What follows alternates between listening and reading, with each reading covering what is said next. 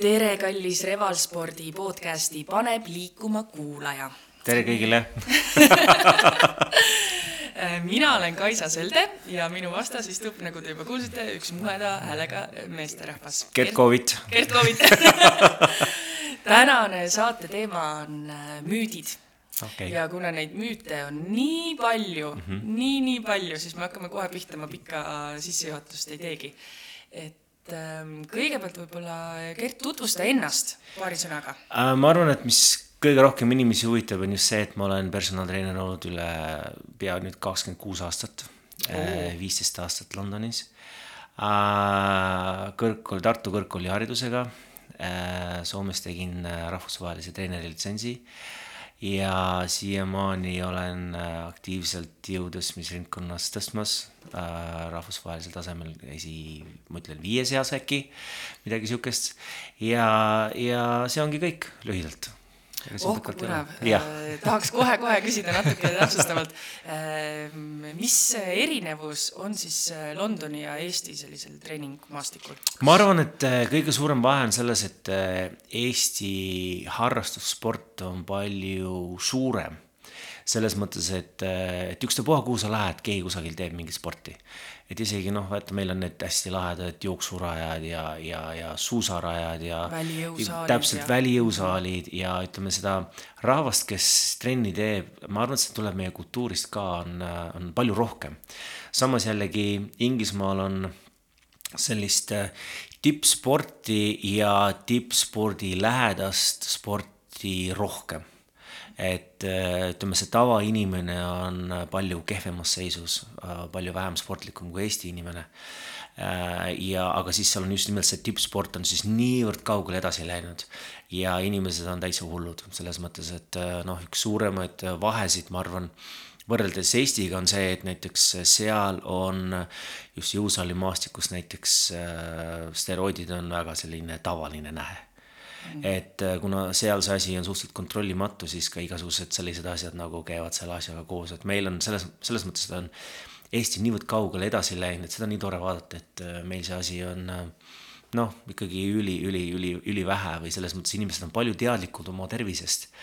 ja, ja mis on nagu armsam, on ka see, et keskklassi inimene Eestis on palju teadlikum oma tervisest kui näiteks äh, sellises äh, suures riigis, suures linnas nagu Londonis, kus elutempo on niivõrd kohutavalt suur ja inimesed on palju suuremas stressis ja pigem on see selline hästi kõva võitlus, karjäärivõitlus, raha teenimise võitlus ja siis ise, ise ollakse nagu teisel või kolmandal kohal ja väga tihti ongi see, et alles siis tullakse minu juurde, kui tõesti tervisehädad koputavad uksele, et kuule, et sa, mul tegelikult arst ütles, et kui ma midagi ette ei võta, siis viie aasta pärast on minek. et meie keskmine selline edukas keskklassi eestlane on ikkagi tavaliselt sportlik, tavaliselt tal on selline tõsisemat sorti harrastussport seal kõrval, kas ta siis on nüüd suusatamine äh, jooksmine, jookstakse maratone või siis käiakse jõusaalis, et äh, Eesti keskmine inimene on palju tervem et see on nagu selline ja tundubki olevat selline, et need sõbrad ka jagavad samat äh, sportimist, et äh, minnakse koos siis seda asja tegema, kas siis nüüd triatlon ju Eestis tõuseb järjest äh, suuremaks, populaarsemaks spordiks, et see on ka nagu huvitav. Issand, kui hea on seda kuulda, sest vaadates neid äh, statistikat, mis igalt poolt läbi kõlab, kui palju me joome, eks mm -hmm. ole, kui palju me sööme et äh, ikkagi, et me liigume ka seal kõrval. ikka, ikka ja ma arvan, et pigem see noh, jällegi see joomine, eks ole, tuleb jälle meie sellisest pikaajalisest traditsioonidest, pluss veel siia võib igast ilma ja värki juurde nagu süüdistada. ja, ja eile ma just vaatasin CNN-is, et noh, öeldakse seda, et Soome on ju, loetakse maailma üheks õnnelikumaks riigiks et äh, ma mõtlesin, et noh, et mis mis see kõige suurem vahe meie ja Soome vahel on, et tegelikult meil on ju täpselt samasugune kliima, võib-olla isegi natukene soojem. loodus on suhteliselt sarnane. noh, inimestena me oleme ka suhteliselt sarnased, me mõlemad armastame napsu võtta et äh, huvitav, et miks see eestlane siis äh, niivõrd palju õnnetum on. et noh, et kas ainukene asi võib olla, ma ei tea, kas inimestel on, no raha ei ole kedagi otseselt ju õnnelikuks teinud, eks ole, et võib öelda, et võib-olla soomlased on siis nagu jõukamad või midagi sellist, aga, aga noh, see näitab seda, et et vot kui need lähtekohad on hästi sarnased, siis äh, nii riigil kui inimestel endal on palju rohkem iseendaga võimalik ära teha. ja mis võib-olla, kui ma Soomes õppisin, mis oli hästi armas näiteks seal, on seal see, et käiakse hästi palju näiteks peredega koos või siis sõpradega koos äh, treenimas. seal jooksurajal on väga tihti näha seda, kuidas on ema, isa, vanaema, lapsed, kõik suusatavad, koos lähevad. või siis, äh, kui ma olin Helsingis äh, jõusaalis töötasin personal treenerina, siis seal oli vahest tõesti niimoodi, et seal tulid neli-viis selli, kes kõik olid üle kuuekümne, treenisid koos nad on tõenäoliselt niimoodi treeninud koos viimased nelikümmend aastat. Ja see on selline noh, hästi lahe, sa näed, et neil on lõbus, nad naeravad, samamoodi naised äh, tulevad kokku, kõik sõbrannad, nad on tõenäoliselt käinud seal kolmkümmend aastat ja, ja selline nagu koos tegemise lust on hästi suur, et võib-olla ma ei tea, võib-olla eestlaste erinevus ongi see, et meile meeldib ka aeg-ajalt rohkem nagu üksi olla, aga vot see üksi olemise kurbus ongi see, et siis võib ka kurbi mõtteid pähe tulla.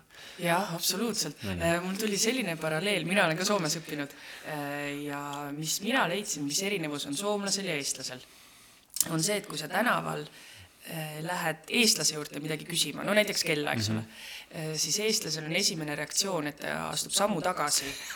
et äh, oota, mida sa tahad? aga soomlasel on vastupidi, ta astub sammu sinu poole ja, ja küsib, et aa, mida sa tahad või et see vahe on. täpselt, on küll, on küll ja seda oli ka kui ma Londonis olin ja noh, kuna ma töötasin ja elasin täitsa kesklinnas seal, siis aeg-ajalt ikka kuuled selja taga eesti keelt ja siis keerad ümber ja vaatad, kuule, kas ma teid äh, saan aidata või kuskil juhatada, siis esimene nagu reaktsioon, sa näed, selline vahetu reaktsioon on oi kellad, nüüd vist tahetakse midagi ära näpata. just jaa, absoluutselt. et noh, et kahjuks me sellised oleme, umbusklikud kogu aeg. eeldame kõige hullemat selle asemel, kui noh, võiks lihtsalt natukene rõõm, rõõmsam olla. nii, aga lähme nüüd äh, ruttu kibekähku nende müütide juurde. Äh, kui palju sa ise oled kokku puutunud äh, niimoodi üleüldiselt äh, müütidega? no ikka iga kord, selles mõttes okay. ikka tuleb selline noh, naisterahvas, kes on äh, suhteliselt heas vormis, sale, täpselt selline, et ma näen, et teised tüdrukud vaikselt vaatavad üle õla ja, ja, ja kadedusega, eks ole. ja siis esimene asi, kui ta saali tuleb minu juurde, ongi, et kurat, kas me saaksime nüüd jõusaali teha niimoodi, et ma suureks ei lähe et eh, noh, et see suur hirm naistel, et see lihas hakkab kohe kasvama, nii kui see antel kätte läheb, et kohe on, homme on biitseps on hirmus suur. Eh, ja siis eh, ma tõesti seletan, et selleks, et, et lihas ikkagi suureks läheks, selleks peab ikka väga kõvasti vaeva nägema, et noh, et vaata mind, mina olen siin nelikümmend aastat trenni teinud ja enda meelest noh, mul on veel pikk, pikk maa minna, eks ole ja, ja eks ta ongi see selline, et äh, noh, treenerina sul on hästi suur võimalus siis tõesti, kas minna siis ühtepidi või teistpidi, mõjutada seda lihast, aga, aga just see, et võtta ära see hirm ja võita see usaldus. et me teeme täpselt seda, see tulemus on täpselt see, mida sa soovid ja me üritame kokku panna siis kaks asja, asjad, mida sa peaksid tegema äh, just sinu sellest füsioloogiast lähtuvalt, mida sinu kehal hädasti vaja on. Äh, kas siis rühist või kuidas me keha kasutame, et ei oleks neid valusid ja see treening oleks nagu pikaajalisem ja sa tunneksid ennast peale trenni hästi. ja siis need asjad, mida tegelikult sina arvad, et sina peaksid tegema, sest väga tihti see äh, tubli Eesti sirts on ju nii kangekaelne, et kui ma ikkagi seda masinat ei tee, siis on trenn luhta läinud. et noh, et me teeme selle masina siis ka ikkagi lõpuks ära reie lähendajad. just täpselt, no midagi siukest, täpselt, eks ole, no midagi siukest, eks ole, et, et no seal on, seal on alati niimoodi, et, et sa noh, pead olema seal nagu kahe vahel, et kõik on õnnelikud.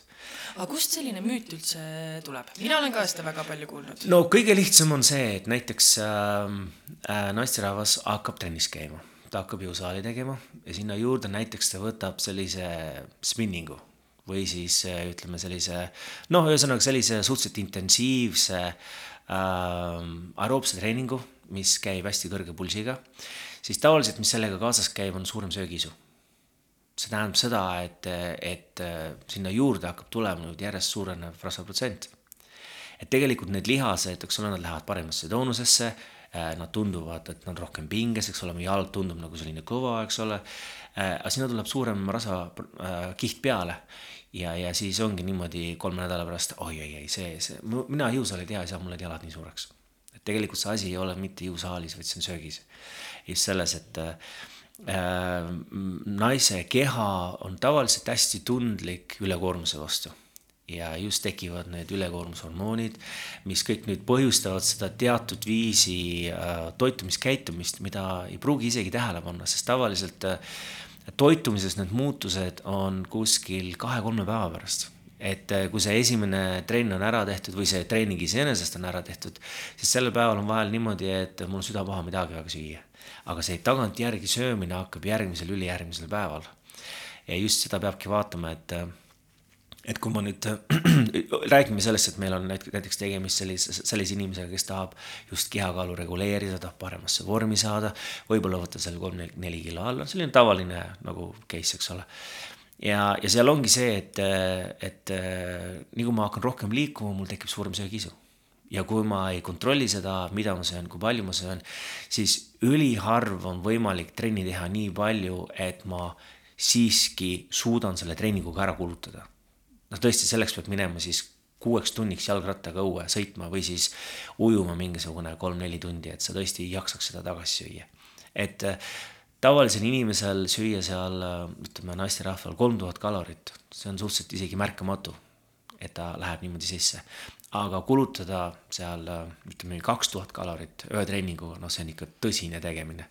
et noh, võrdlus. kas see on üldse reaalne? no ütleme, sõltub, eks ole, treeningu hullusest aga selline keskmine tavaline treening sellise, ütleme, keskmise kehakaaluga naisterahva puhul, ta ikkagi on seal kuskil, ma ütlen noh, kolmesaja kuni seal tõesti maksimum kahesaja kalori vahel, kaheksasaja kal-, kal-, kalori vahel, aga noh, see on selline päris tõsine treening kohe. tunnis? ikka, jah ja. mm, -hmm. et see on ikka tõsine tegemine, et seda noh, annab, annab ja siit tulebki välja see, et me oleme alati võimelised sööma rohkem kui me, kui me kulutame, et eh, just pigem ongi see, et selline teadlik, teadlikum lähenemine, et, et okei okay,, kui ma nüüd trennis käin, ma tunnen ennast niivõrd hästi, kas ma tõesti pean siis peale seda näiteks pontsikuid sööma, et noh, et seal on võib-olla äkki midagi muud.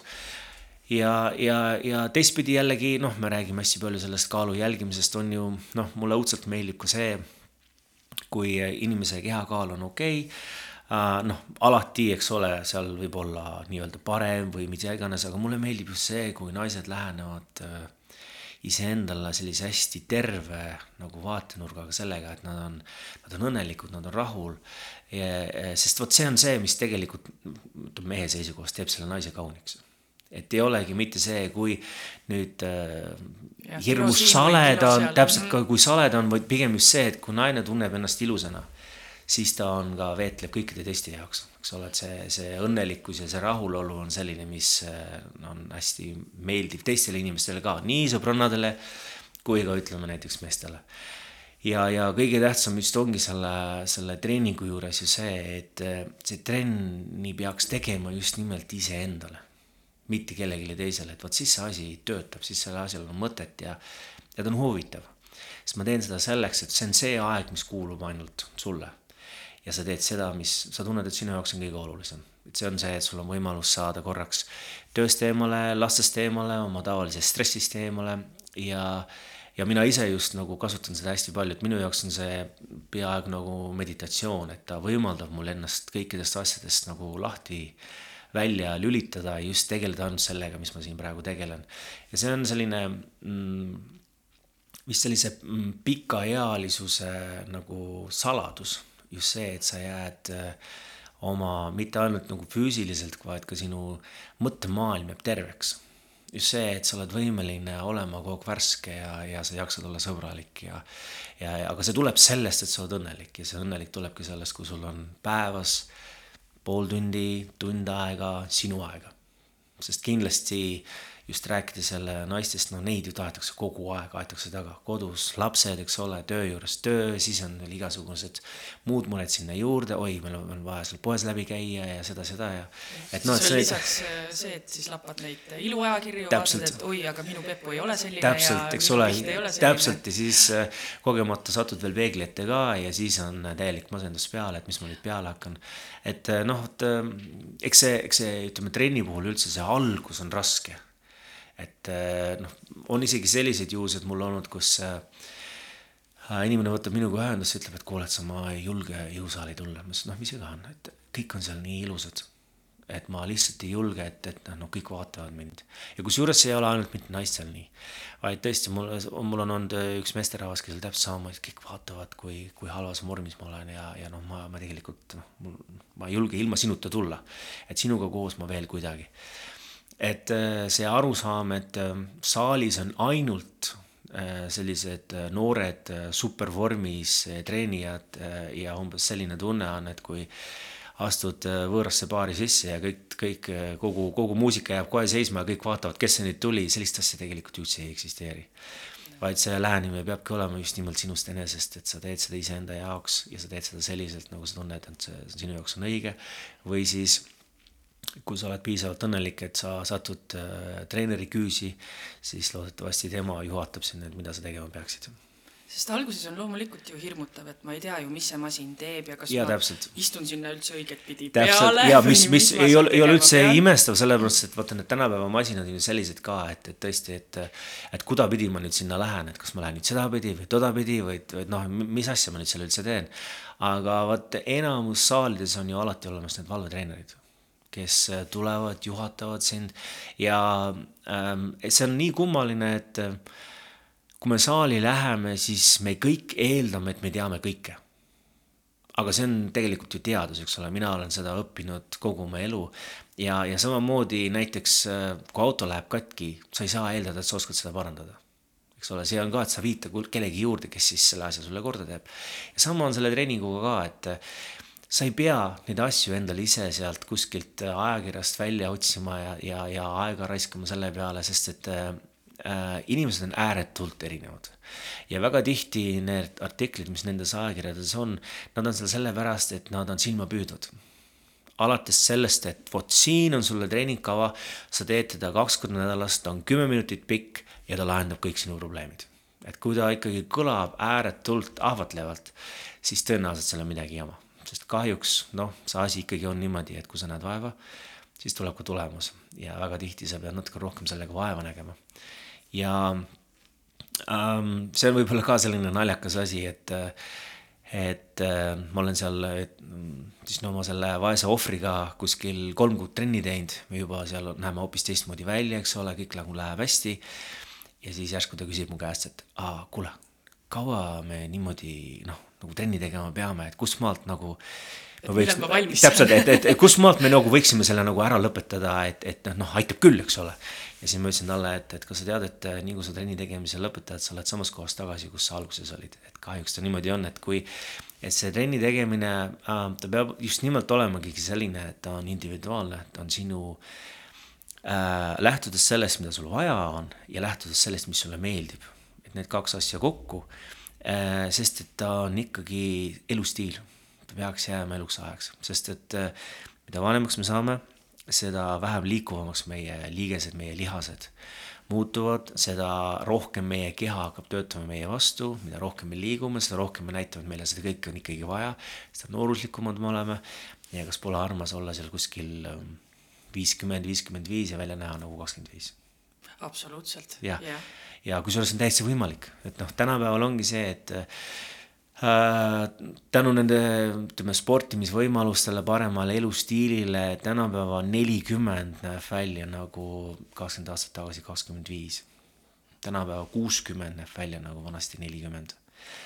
et mul on äh, selles mõttes vedanud, et mul on paar kuuekümne aastast klienti, kes tõesti noh, tõesti nende keha töötab kui kahekümne viie aastasel.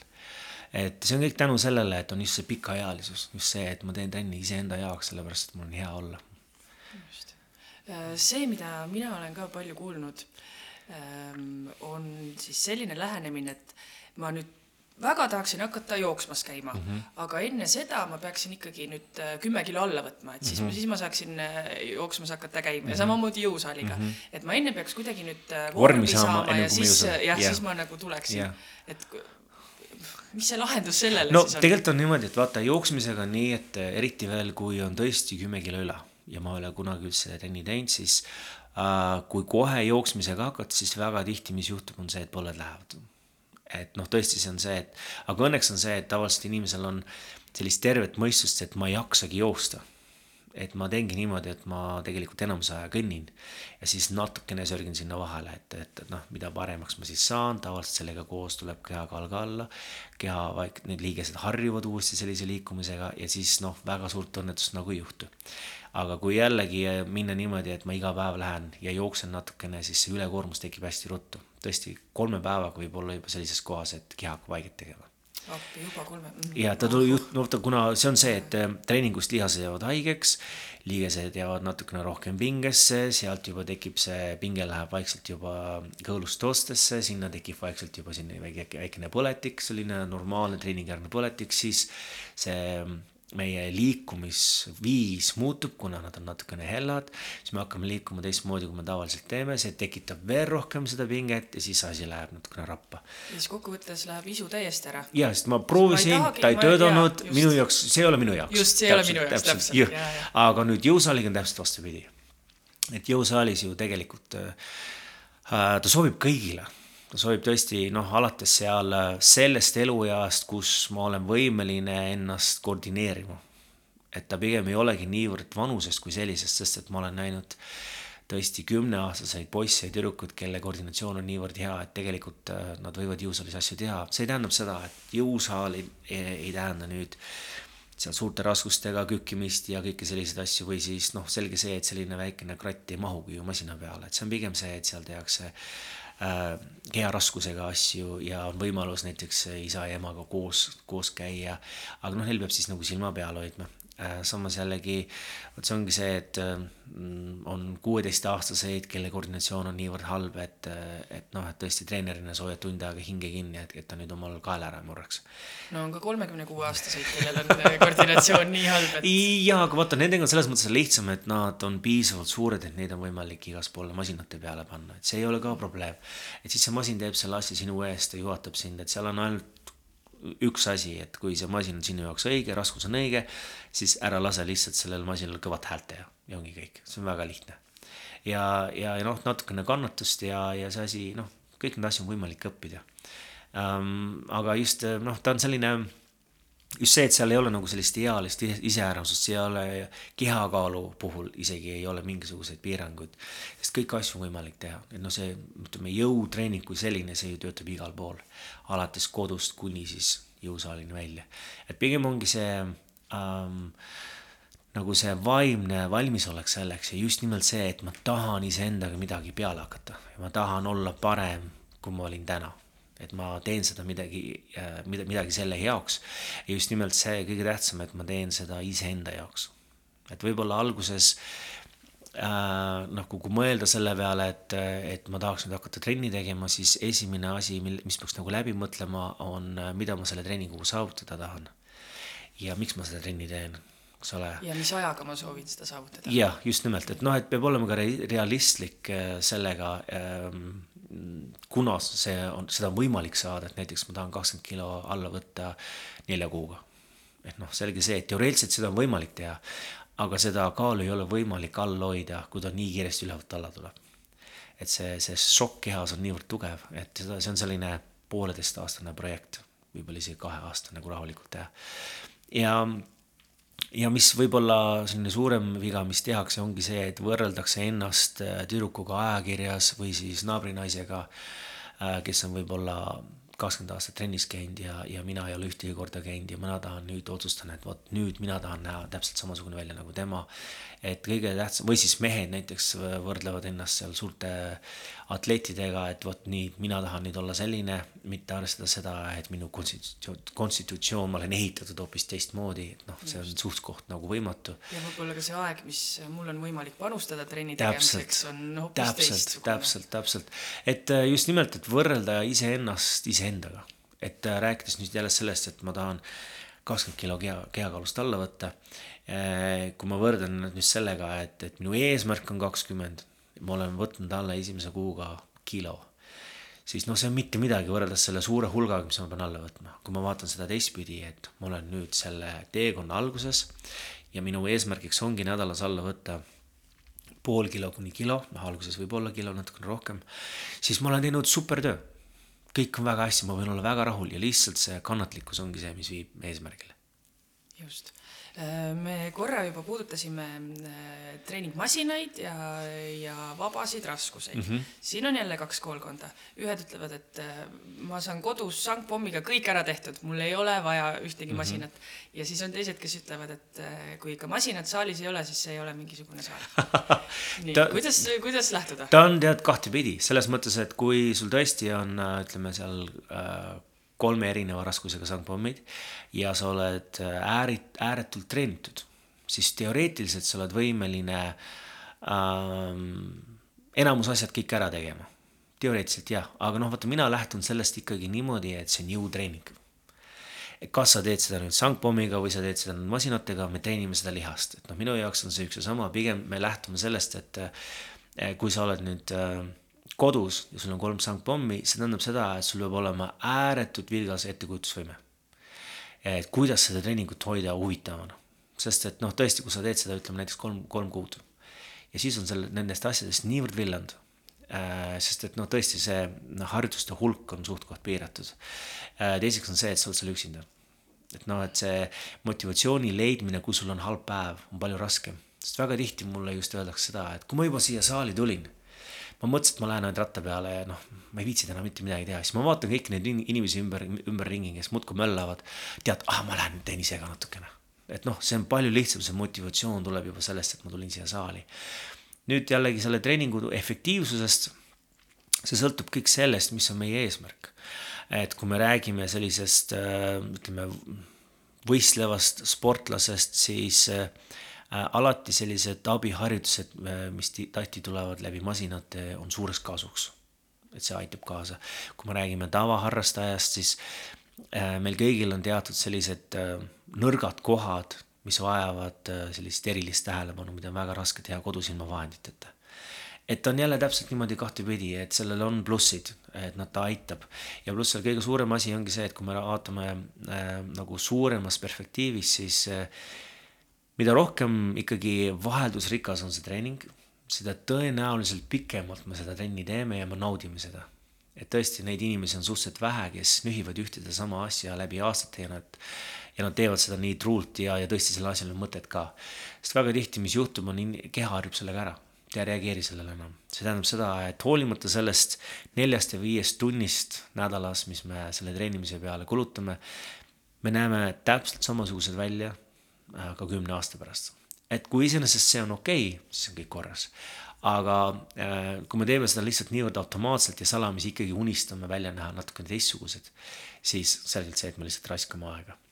ja, ja noh, seal on ka see, et räägitakse, et on ju olemas äh, äh, harjutused, mida sa teed, saad teha masinatega, mis väga tihti on isoleeritud harjutused, mis tähendab seda, et nad just mõjutavad teatud lihast, on väga siuksed spetsiifilised ja siis on olemas baasharjutused, mis on sellised äh, tavaliselt äh, vabade raskustega, mis siis hõlmavad palju lihaseid koos, nad on palju efektiivsemad. Nad mõjutavad seda keha tugevamini, aitavad seda eesmärku saavutada kiiremini, siis see on äh, täiesti õige, nii see asi ongi. aga väga tihti, kui isegi me oleme sellise nii-öelda vanakooli mehed ja kasutame just neid baasharjutusi, siis väga tihti sinna trenni lõppu oleks hästi hea midagi sihukest nagu natukene rohkem isoleeritumat juurde panna, ehk siis kasutada mingisugust masinat, mis siis aitab kaasa, kas siis meie eh, liigutuse sooritamisele, meil on mingisugune nõrk koht, sest kõikidel, igal inimesel on mingisugune nõrk koht olemas. vastavalt just sellest liikumisest tulenevalt, et mida siis võiks natukene sinna juurde aidata et nad tegelikult täiustavad teineteist, ei ole sellist asja, et ei, ei, ei, ei, mina teen ainult ühte või siis mina teen ainult teist. selline hea kombinatsioon nagu mõlemast ongi see, mis viib äh, pikaealisusele, ma just vaatan seda, et äh, me suudame vältida neid äh, vigastusi. me oskame neid vigastuse tekkeid nagu natukene ette vaadata, et vot sealt tõenäoliselt võib midagi tulla, selle vältimiseks me võiks teha vot seda. et äh, vot noh, sellised asjad. aga mis see nipp siis on nii-öelda, et äh, tunnen, et ma ei tea, tritseps on äh, natuke nõrgaks jäänud, onju, ja seal lõpus äh, nüüd ma tahan nii spetsiifiliselt teada, mitu seeriat, mitu kordust või ta on lihtsalt selline kirss selle tordi peal, et. ta on, ta on vaata selles mõttes, et inimesed on niivõrd erinevad, et seal ei olegi sellist nagu noh, seal ei ole, selles mõttes see jõusaalitreening ongi niivõrd kummaline, et, et seal ei ole sellist lihtsat valemit et ta pigem ongi see, et kellele mis, et kui me räägime siin eks ole, mm, poisist, kes äh, tahab rohkem raamatust suruda, noh, tema võiks teha seal mingisugune kolm, kolm seeriat ja kaheksa korda äh,. näiteks prantsuse surumist või, või ploki alla surumist, midagi sellist, kui me räägime siin tüdrukust, eks ole, kes tahaks rohkem selliseid jooni käte peal. see on hoopis mingisugune teine harjutus ja võib-olla kordus on viisteist näiteks äh,. võib-olla äh, me räägime siin hoopis naisterahvast, kes on kuskil seal neljakümne kandis ja tahaks just saada lahti nendest äh, äh, huvitavatest asjadest seal äh, käe all, mis kipuvad natukene rippuma, kui me taksot, täpselt, kui me taksot kutsume, eks ole, on ju. et ähm, äh, siis võiks olla hoopis võib-olla mingisugune superseeria seal otsas, et, äh, et vaata, nad on niivõrd erinevad just lähtuvalt sellest inimesest ja tema treenitusest. et see on ka selline, selline asi, et äh, noh, me ei, me ei saa nagu, seal ei ole sellist nagu selget, selget, selget asja, kellele, kus ja mis ähm,. selleks ongi hästi hea, kui sa saad kellegagi nõu pidada see trenn muutub kohe huvitavamaks. sest et äh, jälle seesama asi, et me kõik arvame, me teame sellest asjast kõik, ah, mis mina küsin, eks ole, see treener on tead nende tippsportlaste jaoks või rikati, rikaste ja ilusate jaoks, et. et ei, ei, ei, see nagu ei käi üldse selle asja juurde, et minu kogemus ütleme, see peaaegu kolmekümne aastane treeneritöö kogemus ongi see, et Äh, minu juures vahel käivad inimesed, kes ma, ma tõesti, ma näen, et nad vaevu saavad selle raha kokku, et minu juurde tulla, aga see on nende jaoks niivõrd oluline, sest et äh, see on selline nagu motivatsiooni boost. see, et nad tunnevad ennast paremini, ma annan neile innustust ja see treeningkava on nende jaoks huvitav, sest see on spetsiaalselt just tehtud nende jaoks, arvestades neid soove ja, ja vajadusi ja, ja piiranguid, mis meil on ja, ja just kõige tähtsam see, et ma üritan hoida neist eemal sellest, et ta tõmbab endal kusagilt midagi ära, ta on treeningust väljas, eks ole, siis on äh, motivatsioon on, on jälle all. et kõik need asjad on äh, noh, et see ongi see, et kui palju me seda asja väärtustame.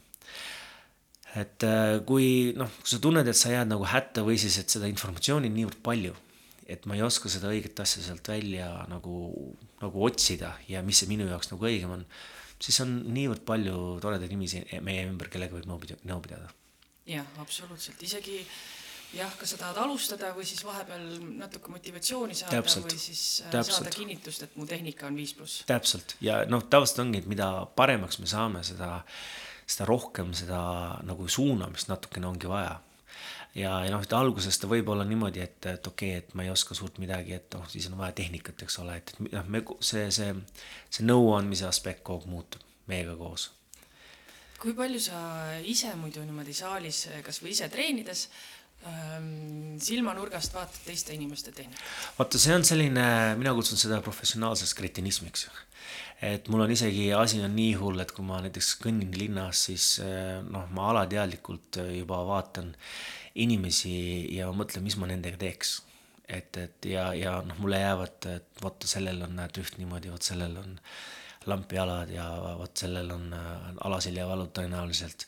et sa harjud sellega niimoodi ära, et sa ei pane seda tähele noh.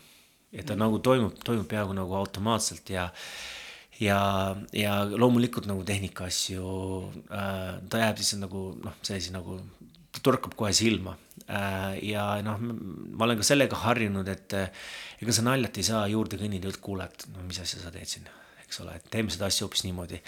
et on inimesed äh, ilu-, noh, ilusasti sees kahes lastus äh,, kellele sa ei saa mitte midagi öelda. et ongi niimoodi, et lihtsalt neela alla, see on see, kuidas tema tahab teha ja kui tema tahab ennast ära lõhkuda, see on tema õigus niikaua, kuni ta masinat ära ei lõhu või siis kangi. ja siis on äh, teine grupp, kes on väga rõõmsalt selle üle, et sa tuled ja aitad neid ja juhatad neid, aga see, see ongi see, et sa pead siis ise ära tundma, et kes ta on ja, ja, ja kas sa, kas sa võid, kas sa tohid ja kuidas sa seda teed. et sa pigem ikkagi hoiad keelt hammaste taga? see sõltub täitsa, see sõltub sellest, et kui ma näen, et on selline noh ähm,, nagu noh, see sõltub jah, see, see on nagu vaata, see, see on nagu see tekib see kõhutunne, et, et kas, kas, kas ma saan minna ja öelda või, või, või, või ma ei saa. ja, ja loomulikult äh, see õpetaja minu sees äh, tahaks karjuda, et kuule, lase mind nüüd äh, välja, eks ole, las ma nüüd teen selle asja korda äh,. aga teistpidi jällegi noh, see on see, et niikaua kui kaua ta eluohtlik ei ole, igal inimesel on õigus olla ja teha oma asju üksinda ja võib-olla vaata, ongi see, et tal on halb päev tal on kõrvaklapid peas ja see on äh, tema viis, kuidas seda frustratsiooni välja saada, eks ole, on ja, ja, ja okei okay,, see tehnika ei ole võib-olla kõige õigem, aga siis tuleb keegi nägutama siit kõrvalt, et kuuled sa, sa teed seda asja täiesti valesti, noh, et see oleks, et noh, sa pead nagu ära tundma, kunas, mis ja kunas. absoluutselt äh,. nii, aga selline müüt jälle või, või see vastab tõele, kas äh, lihas kaalub rohkem kui rasv äh,? jah kui, kui suur tegelikult ütle, ütle, ütleme sellest, et, et see on selline nagu anekdoot, eks ole, on ju.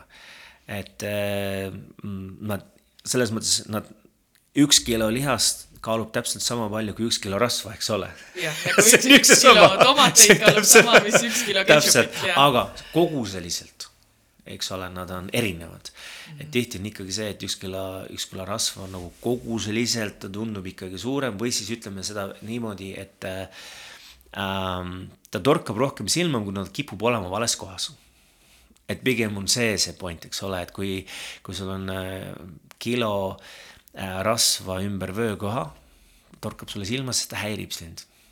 aga kui sul on seal kilo lihast äh,, näiteks äh, poisterahvas ja ta on äh, kätel, no küll see teeb ikka tuju heaks absoluutselt, et see siis vastab tõele, et nii, ma nüüd hakkasin trennis käima aga kaal ei lange, ju siis lihas kasvab ja rasv selle arvelt põleb. seal on väga lihtne variant, näiteks äh, naiste puhul proovi jalga oma äh, hästi kitsaid teksaseid ja vaata, kus kohas ta pinges on. kui ta on pinges samamoodi nii ümber reie kui ümber vöökoha, siis sa valetad iseendale just, ja selline motivatsioonipüksid ja kleidid on alati väga hea nipp. just täpselt. sest naistel see kaalunumber võib varieeruda vastavalt hormonaalsele, mida ma olen söönud, mida ma täpselt, olen joonud, kuidas täpselt. ma olen maganud. pluss veel tsükkel sinna juurde, see on ju mingisugune kaks kuni kolm kilo mis, mis, mis mõjutab seda. Äh, ja, ja no vaata ja pluss veel, et eriti just naiste puhul on see, et äh, noh, naised jälle jagunevad kaheks, kes on väga meelsalt astub kaalu peale ja, ja kes on selline, et kui sa ütled äh,, lähme kaalume, siis sa oled teda juba solvanud. et noh, et kes kohe üldse ei taha ennast kaaluda, aga nad hea meelega on nõus proovima jalga siis selliseid kas teksaseid või särki ja seda tunneb täpselt selle järgi, et vot see on see koht. ja kui tõesti sa tunned, et äh, ümber jala äh, teksad on enam-vähem samasugused, aga vöökohast asi läheb äh, suuremaks selles mõttes mul on rohkem ruumi seal, siis tõesti, sa oled teinud tubli töö. pluss sul väga tihti on see, et noh, see silma järgi ka ju, eriti naised on niivõrd kriitilised, nad oskavad nagu hinnata.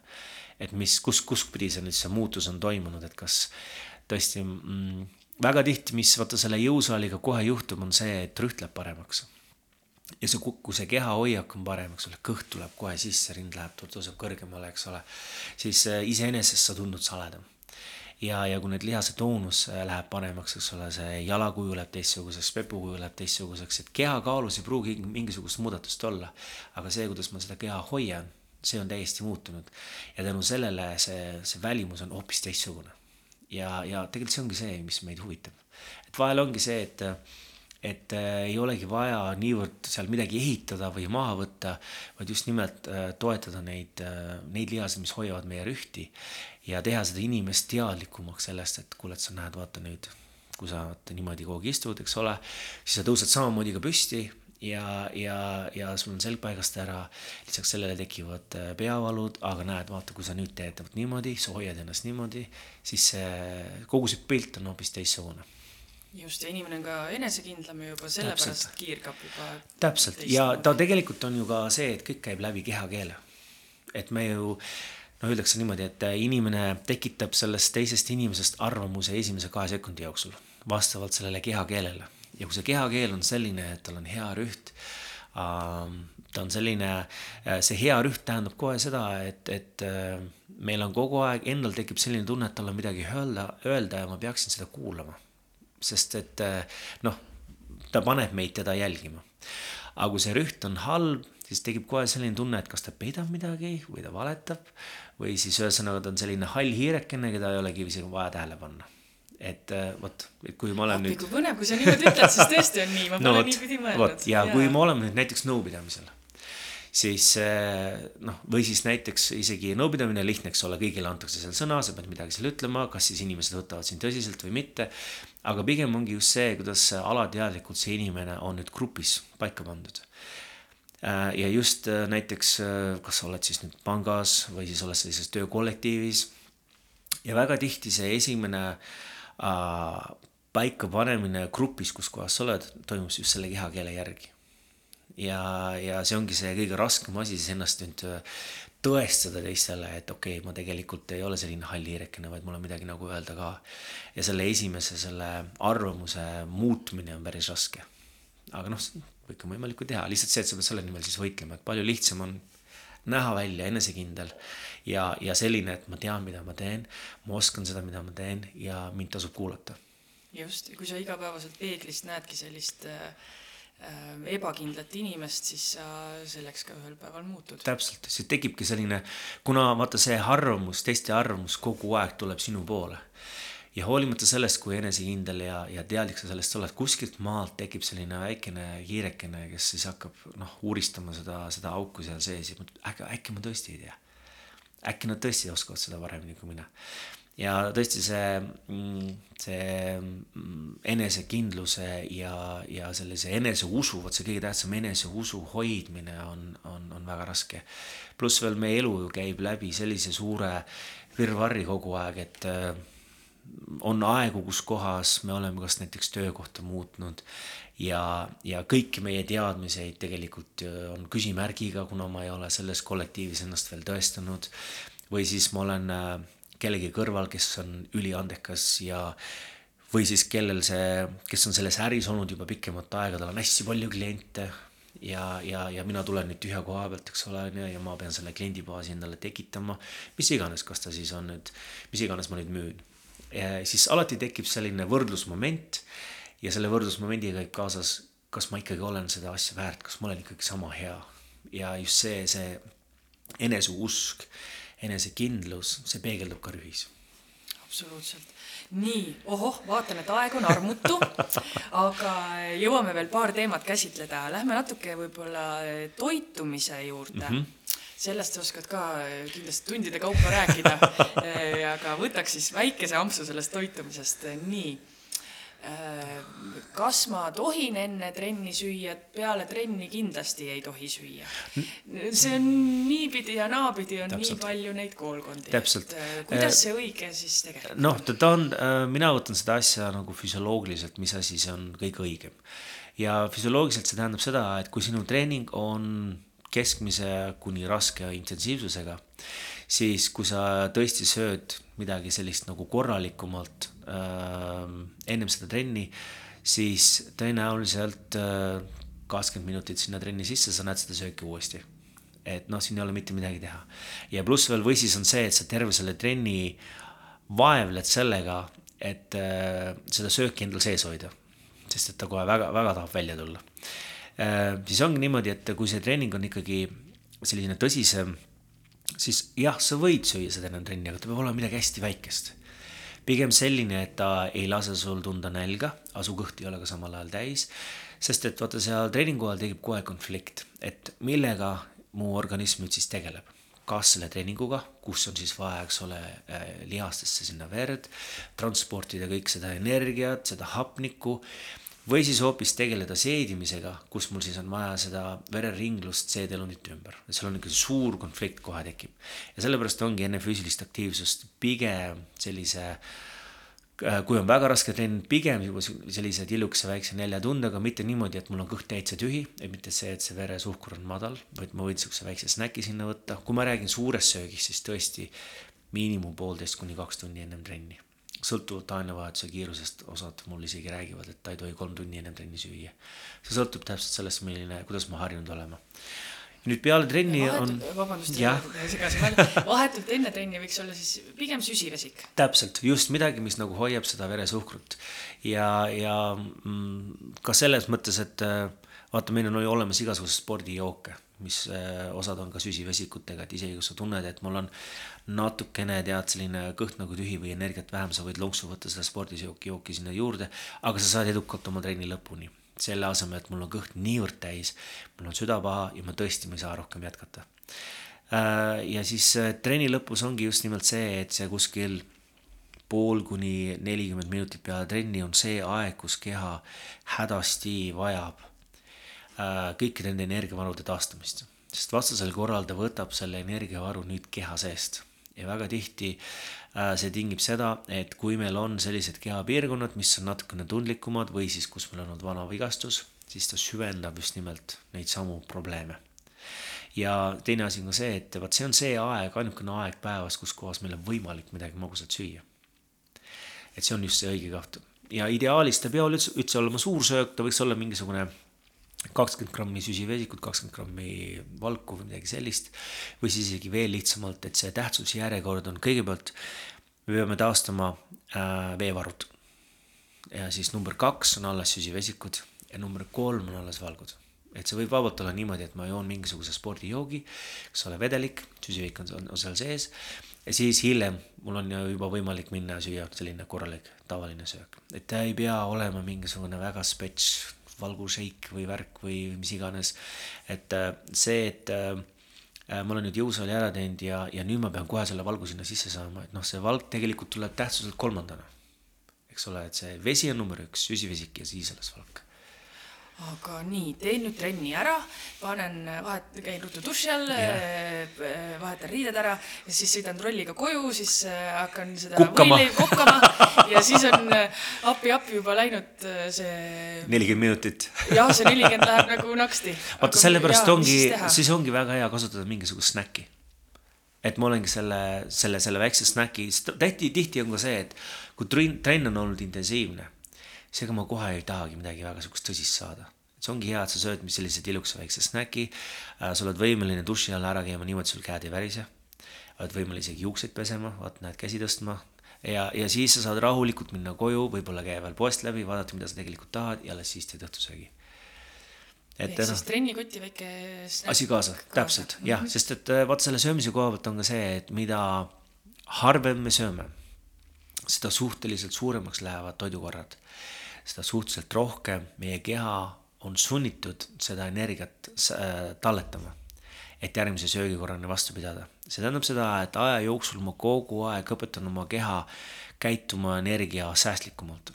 see tähendab seda, et see tavaline energia hulk, mida see aasta äh, mul on vaja lihtsalt selleks, et mu kehakaal oleks normaalne, järgmine aasta seesama energia hulk juba võimaldab minu kehal toota ekstra seal kilo kuni kaks rasva kuna see ainevahetus läheb järjest aeglasemaks. ja sellepärast ka ongi need tillukesed väiksed snäkid siin just äh, võrratud, sest nad hoiavad seda ainevahetust kiiremana, see kehal kaob see põhjus ära seda energiat kogu aeg salvestada, sest ta teab, et mul tegelikult ei ole vaja, mul ei ole nälga.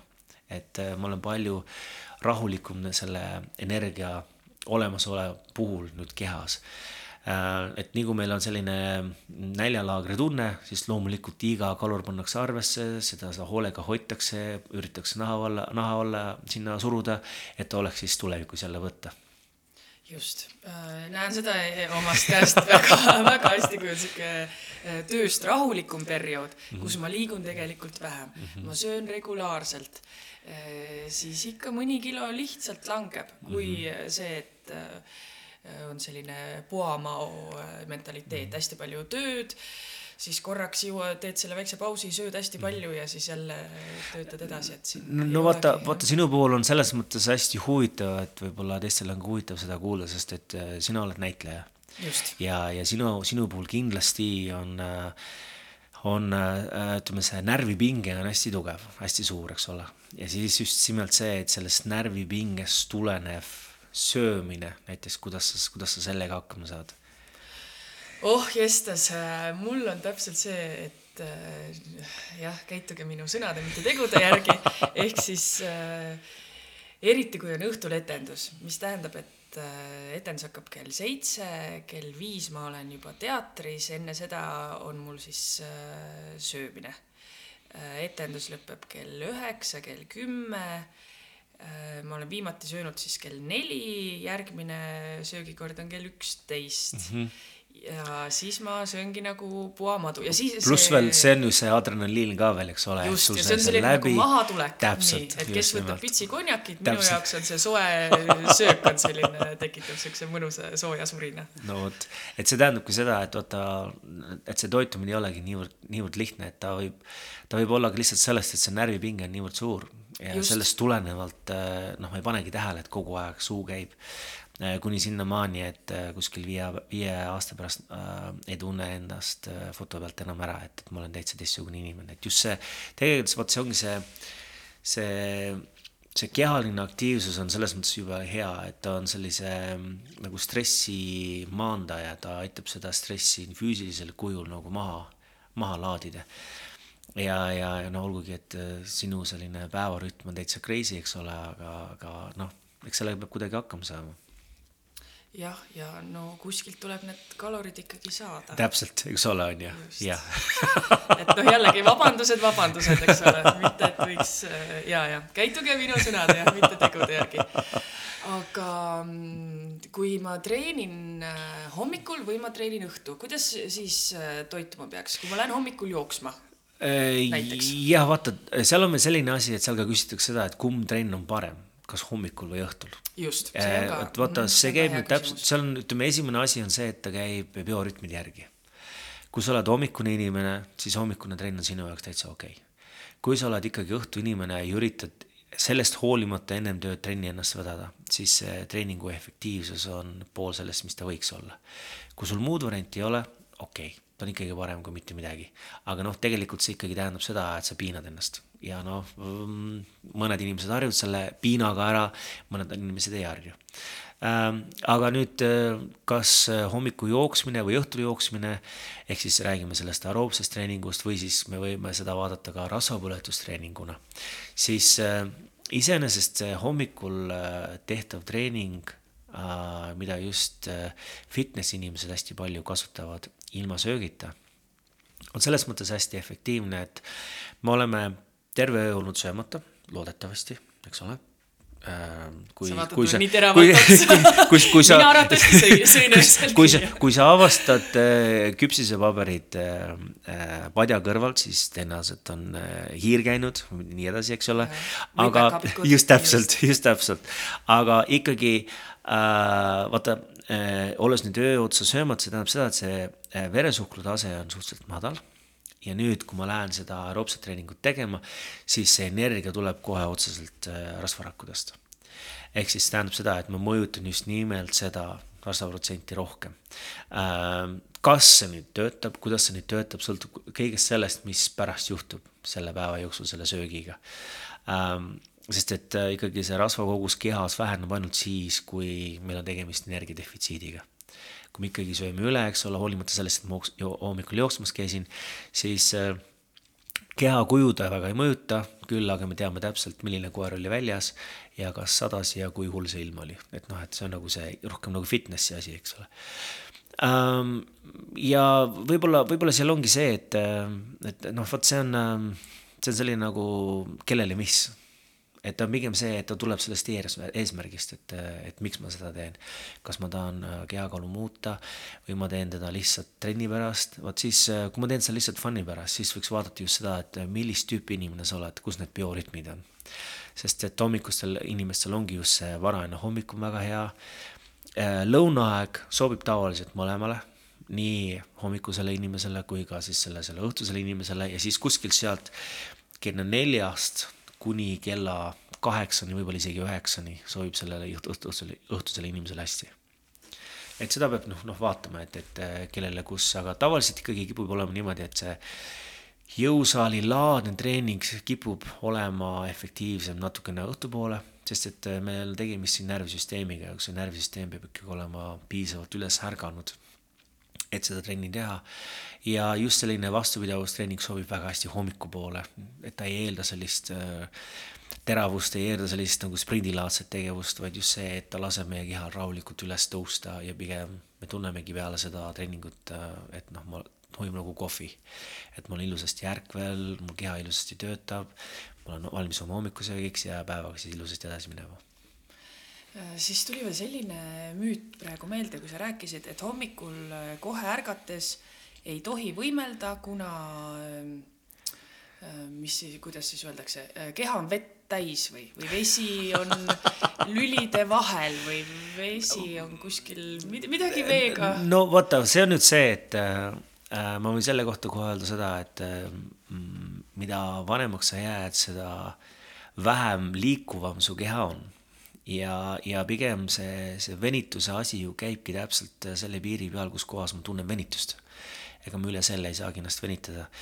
ja ähm, see viis-kümme minutit äh, hommikul äh, nende venituste tegemine, minu meelest see on just selles mõttes ääretult hea, et ta annab sellise äh, normaalse liikumisulatuste liigust, liigestel tagasi ta,, tagasi. lihtsalt ei tohi seda üle teha. just teha selle täpselt selle tunde järgi, et lasta kehal kõigepealt üles ärgata ja siis. sest et äh, vot see on seesama asi, et äh, märkamatult me liigume kogu aeg sellest valust või sellest piirangust eemale Äh, me üritame alati hoida oma keha sellise mugavuse tsooni sees ja me kogu aeg kompenseerime. kuni sinnamaani, et see kõnnak hakkab nägema välja hoopis teistsugune või siis ähm, me tun-, hakkame vaikselt tundma kusagil valu. ja, ja just see venitamine selles mõttes on hästi hea, et absoluutselt kõigil meist on kusagil midagi, äh, mis vajaks natukene venitamist. Et, et noh, et noh, et see on, see on see, et kas, kas ma teen seda nüüd äh, vahetult enne treeningu algust ja just äh, peale treeningut äh,, kus see venitus on isegi veelgi, veelgi tõusvam või siis ma teen seda ka lisaks veel, teen hommikul just see, et ma saaksin terve päeva normaalselt funktsioneerida. see on selline hästi hea äh, praktika just nimelt pikaajalisest lähtuvalt, sest et mida vanemaks me saame, seda rohkem meie keha hakkab kompenseerima et eh, noh, mina arvan küll seda, et eh, see, eh, me, me, me ei räägi siin sellisest hardcore mm, venitustreeningust, eks ole, mis kestab seal, ma ei tea, tund aega, poolteist tundi ja. täpselt, täiesti kohe, eks ole, et kukun voodist välja kohe silda, eks ole, noh, see on see, siis me ei mõtle sellele seda. olgugi, et, et vaata, on olemas ju sellised näiteks Bikram jooga väga head on soojas ruumis, ta juba iseenesest aitab tõsta sul keha temperatuuri, mis teeb lihased soojaks, aitab sul rohkem venitada. Ja kindlasti ka seal on niimoodi, et see ikkagi see tund hakkab suhteliselt pehmelt ja siis mida soojemaks me saame, seda tõsisemaks ta läheb. et äh, see, ma arvan, see on selline laisa inimese udujutt, äh, ennast veenda, et ma võin viis minutit kauem magada ja ma ei pea muretsema selle pärast, et ma hommikul peaksin venitama aga see, et hommikul äh, naksti silmad lahti ja kohe hakkad seal crunch'e ja kätekõverdusi tegema, see, see on ka lubatud? no ta on selles mõttes, ta sõltub jälle inimese tüübist, et äh, noh, see ongi see, et kui hommikul äh, äratuskell käima läheb, siis kes on see, kes esimesena jookseb? meie peres olen mina. minu naine üritab nii kaua kui võimalik teki all olla ja, ja kui ma talle ütlen, et nüüd võiks natukene kätekõverdusi midagi teha, siis tõenäoliselt ma saan padjaga et ta ongi see, et ta sõlt-, lähtub sellest, et, et, et milline inimene me oleme, et eriti just meestele meeldib seda teha kuna see paneb neil vere käima, nad tunnevad, et noh, nad on eriti kui peale seda duši alla lähed, vaatad, rinn on punnis ja täitsa selline naksakas meesterahvas on seal. et miks mitte, onju. et kellele mis, see sõltub, sõltub täpselt sellest samast närvisüsteemist, näiteks minu puhul see on täitsa välistatud, et ma lihtsalt tõenäoliselt äh, ei jaksaks midagi teha, kuna ma alles magan nii et tuleb enda keha ikkagi kuulata. täiesti, täiesti, täpselt see ongi see, et mida rohkem sa oma keha vastu nagu lähed, mida rohkem need asjad, mida sa teed, sulle vastumeelsed on, seda lühiajalisemad nad on. et sa peadki leidma sellise hea kesktee, et sa naudid seda, mida sa teed. ja äh, kui see treening on pikaajalisem, siis see tähendab ka seda, et sul on kehal võimalus neid muutusi käiku viia. et see tõesti, et su kehal on äh, aega muutuda ja, ja olla nüüd teistsugune oh, meil tunnike on kohe-kohe läbi, no ma ühe viimase teema veel hästi kiiresti võtan, sinuga on nii põnev rääkida, tahaks veel ja veel ja veel rääkida, nii, aga viimane, viimane, nii. Äh, selline asi, mida ma olen palju kuulnud, äh, toidulisandid on lihtsalt viis, kuidas lollidelt raha ära võtta. jällegi nii ja naa, selles mõttes, et kui me räägime nüüd tänapäeva üliaktiivsest inimesest, kes käib trennis, tal on kaks last, vaesekesel on koer ka veel ja selline edukas, intensiivne töö, hoolimata sellest, kas ta on mees või naine. selge on see, et, et esimene asi, kuskohast seda aega kokku võetakse, ongi söök eks ole, või siis see söök kipub olema niru või ta on väga ühe, ühelaadne, siis need toidulisandid tulevad appi muuta just nimelt seda toitu täiuslikumaks. Nad ei ole toidukorra asendajad, vaid nad lihtsalt aitavad äh, saada kõik ained nüüd õigel ajal kätte. teistpidi jällegi, kui me võtame sellise inimese, kellel on kõik tasakaalus, tal on kõige jaoks aega. ta, tal on võimalik äh, seda kõige tervislikumat sööki süüa täpselt niimoodi, nagu, nagu on ette nähtud, siis äh, tõesti ma ei näe vajadust, miks ta peaks toidulisandit sinna juurde võtma.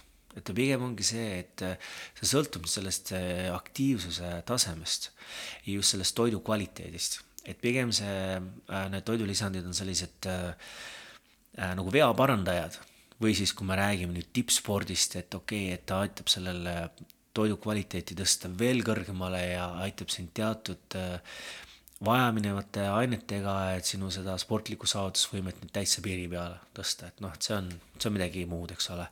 et äh, ta ongi see, et äh, ei ole mitte see toidulisand, mis teeb sinust tšempioni või teeb sinust ilusa. ikka sina ise oled see ja sinu treening on see, mis sind muudab ja see toitumine tervikuna. Et ainult see, et ma nüüd ostsin nüüd selle potšaka selle, selle joogiga sealt ja nüüd ma hakkan seda jooma. ja kui see, kui see tops on tühi, siis ma näen ilus välja, sellist asja tegelikult ikkagi ei ole. et, et pigem on see, et tänu selle joogi ostmisele ma tunnen ennast rohkem motiveerituna, ma olen vähem jätan oma trenne vahele, treenin suurema intensiivsusega või siis olen rohkem motiveeritud vot see on see, mis seal toimub. tegelikult oled ikkagi sina ise see, mis seda teeb, mitte see toidulisand. Et võib-olla äh, mina võrdsustaks seda äh, just sellega, et veel parem kui see toidulisand on äh, juhul, kui sul ei ole tõesti nüüd, nüüd vajakajäämise sellest toidust tervikuna, on hea treeningpartner. kas siis sõbranna või sõber, kellega sa koos lähed trenni, siis sa oled, sa oled vähem tõenäolisem, et sa jätad seda trenni vahele. treeningud on palju rohkem fun Äh, väga tihti äh, üllatavalt naised on palju äh, konkureerivamad kui, kui mehed, eks ole, see tähendab seda, et treeningu intensiivsus on hoopis teistsugune, see tund läheb hästi kiiresti mööda. et noh, mina nagu vaataks ka seda poolt, et see on nagu selline äär-, see sotsiaal, sotsiaalne pool, et see on nagu ääretult oluline, et see aitab, aitab veel rohkem kaasa. oh, see on väga hea mõte, loomulikult mm -hmm. ja konkureerida naistele, ma tean omast käest, naistele meeldib väga konkureerida. just. ja noh, loomulikult, kui ma ju käin sõbrannaga ja õhtul mõtlen, et ai, mina täna küll ei viitsi, siis mõtled mm, -hmm. näed, aga Kristi viitsib. no vot, ja, ja kuidas, kuidas ma, kuidas, kuidas ma kehvem olen, eks ole, täpselt, jah. Oh Gert suur,, suur-suur aitäh sulle, sulle., nii paljud asjad said palju selgemaks. Ja saime kummutatud müüte ja saime ka siis niisama juttu ajada. ja niisama juttu ajada, just suur-suur aitäh sulle ja, ja noh, püsime terved, mis ikka tänapäeval soovitakse. ikka, head treenimist. Tehtud